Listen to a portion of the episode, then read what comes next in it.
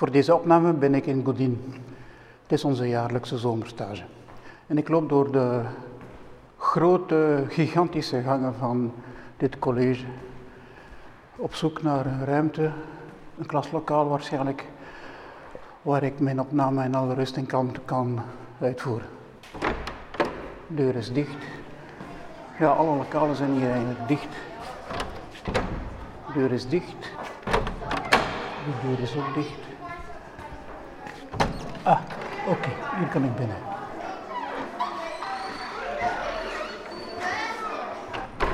Dus ik bevind mij nu in een, in een van die vele klaslokalen van dit college. Uh, alle stoelen staan op de banken. Lege ruimte. Een ouderwets bord, een klok met een foutief uur op. Als ik in zo'n eh, oud lokaal ben, dan stel ik mij voor hoe dat het hier moet zijn met die jonge mensen, die kinderen die hier uh, les krijgen. Welke kabaal dat er moet zijn, of misschien welke rust. hoe ze zich gedragen. De opname die ik vandaag ga doen gaat voor een stuk over de kinderen. Dus we gaan naar de volgende vers van de Hokkels aan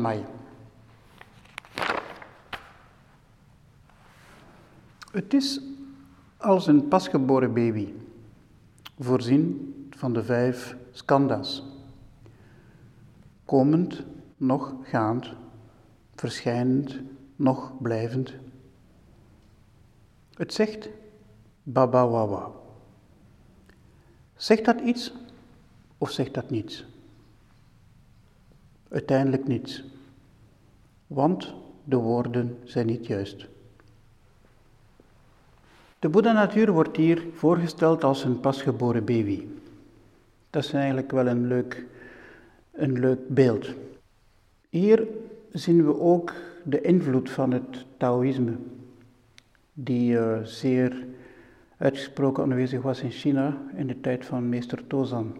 Het Taoïstisch ideaal is het ideaal van de onschuld, van hetgeen in vermogen aanwezig is.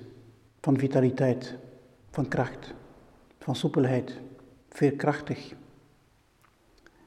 En zo'n pasgeboren baby beschikt over al die elementen. Een baby is voor een Taoïst een soort ideaal van volmaaktheid. Alles is in die baby te vinden. Hij, hij beschikt over alle elementen die hij nodig heeft, dus de vijf skandhas, waaruit wij allemaal zijn opgebouwd. Dus dat is het lichaam, de vorm, de waarneming, de voorstelling, de mentale voorstellingen, de intenties, de wil om iets te doen en het bewustzijn. Dus die baby beschikt over al die elementen en is volmaakt in zich. En hij zal groeien. En hij zal ontwaken. In de Tao Te King heb je de vers wie vervuld is van innerlijke kracht is als een pasgeboren baby. Maar die Boeddha, die op komst is, daar zegt meester Tozan, komend nog gaand, verschijnend nog blijvend. In de Paranirvana Sutra staat, de Tathagata verschijnt niet, komt niet, verblijft niet en spreekt niet.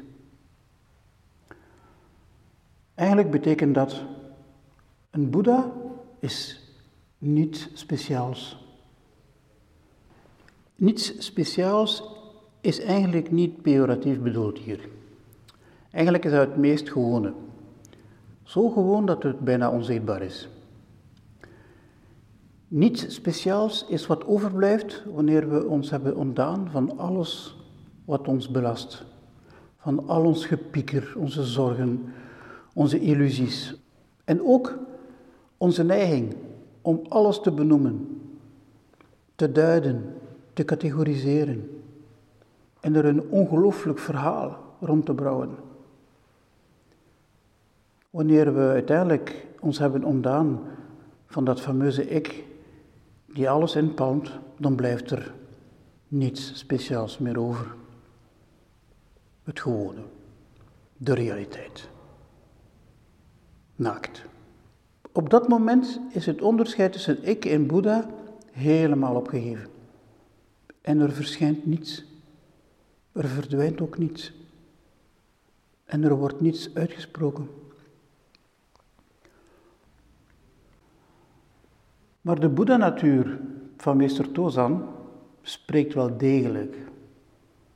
Die baby die zegt babawawa. Een grappig woord. Vanuit zijn ongevormde perceptie van de realiteit benoemt een baby alles wat hij ziet met klanken. Klanken die voor hem wel degelijk zinvol zijn, maar die voor ons niks zeggen. Of waarvan we moeten vermoeden wat die baby in kwestie wil zeggen. Zo ontstaat taal. Zo ontstaat woordenschat. De dingen aanduiden met klanken. Die woorden vormen, die betekenis dragen. Het thema van uh, het kind, van het prille begin, is een typisch zen-thema. Denk maar aan dat fameuze boek van meester Shunryu Suzuki, die Japanse meester die in de Verenigde Staten in de jaren 60 Zen heeft geïntroduceerd. Zijn boek heet Zen Mind, Beginner's Mind. Die geest van de beginner, de onbevangen geest. De geest die open is voor alle indrukken, alle mogelijkheden. Die bereid is nieuwe dingen te ontdekken, te leren, zich eigen te maken. Dat is belangrijk. De Japanse leraar Tsugen Narazaki zei ooit: We moeten de geest van een kind hebben, anders kunnen we niet Boeddha zijn. Christus zei: Laat de kinderen tot mij komen. Ik vind dat een prachtig beeld eigenlijk. Ik vind ook het beeld van, van, uh, uit de Bijbel waar uh, op een dag toen uh, Jezus nog een, een, jonge, een jonge kind was, ze vonden die, Maria en Jozef vonden die niet. Uiteindelijk bleek die in de tempel aanwezig te zijn tussen de schriftgeleerden. En was hij hen een onderricht aan het geven. Vind ik prachtig. Hoe dat kinderen volwassen geleerden iets kunnen leren. Zo zou dat moeten zijn. Soms zeg ik dat wel tegen mijn leerlingen. Ik moet van jullie leren. En dan lachen ze, een beetje verlegen. En weten ze niet goed wat ik bedoel. Trouwens, ik lees in een van de boeken van uh, Austin Kleon, Still Like an Artist of uh, Show Your Work, een citaat van Shunryu Suzuki. De geest van de beginner kent veel mogelijkheden. De geest van de expert kent er maar een paar. Leuk eigenlijk hoe dat een uitspraak van een zenmeester uiteindelijk zijn weg gevonden heeft tot, tot een boek over creativiteit. Iets dat vandaag de dag meer zou moeten ontwikkeld worden bij de mensen. Zelfs zonder de pretentie van met kunst bezig te zijn, zou creativiteit en het ontwikkelen van intuïtie bij de meeste volwassen mensen moeten uh, aangemoedigd worden. We zouden daar workshops over moeten geven. Een kind, een baby, fascineert, uitermate. Iedereen doet gekke dingen in de aanwezigheid van een baby. Babawawa, bla bla bla bla, kili kili, dat soort uh, grappige en geestige situaties. Iedereen wordt een kind in de aanwezigheid van een baby. Maar eigenlijk gaat het niet zozeer om het kind aan zich, maar nogmaals over de geest, die onbevangenheid van de geest van het kind. Van de geest van de jongeren. Wat ik observeer vaak bij volwassen mensen die de weg van zen beoefenen, is dat ze heel snel tot een soort starre houding komen. Ehm, de zaken proberen te, een vaste vorm te geven, op te blazen. Terwijl dat de beoefening precies het omgekeerd zou moeten zijn. Alles terug uit elkaar halen. De zaken terug wat soepelheid brengen, terug elasticiteit. Zijn beoefenen is niet een expert worden in, in concentratie of in, uh, in de sutras of in de ceremonies of in de vormen. Maar velen verschuilen zich graag achter het scherm van een expert te zijn. Iemand die het weet, iemand die het kent, iemand die het kan voordoen. De kinderen, de onschuldigen, de zotten en de dwazen, de artiesten, de dichters, de dromers. Eigenlijk diegenen die er niet helemaal bij horen. Diegenen die sterk vanuit een intuïtie werken en handelen en die intuïtie meteen uitspreken. Dat, dat zijn de interessante gasten eigenlijk. Ik bedoel, daar is nog iets mee aan te vangen.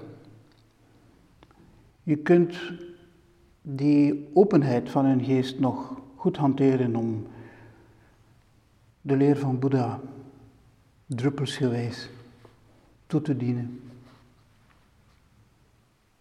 Maar de Baba Wawa, zegt dat nu iets of zegt dat nu niets?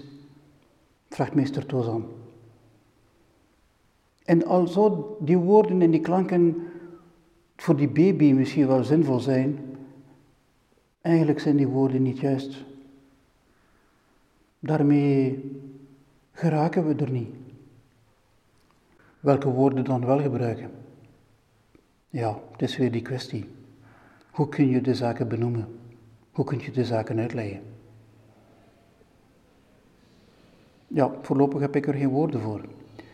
En blijf ik graag bij die babawawa. Trouwens, als er één woord is uit heel die hokjes aan mij, dat iedereen kent, dat is wel die babawawa. En als we onder elkaar bezig zijn, dan valt dat soms wel eens terug uit de lucht. Iedereen kan dat onthouden. Het is niet moeilijk. Babawawa. Daarmee is alles gezegd. Maar ook niks.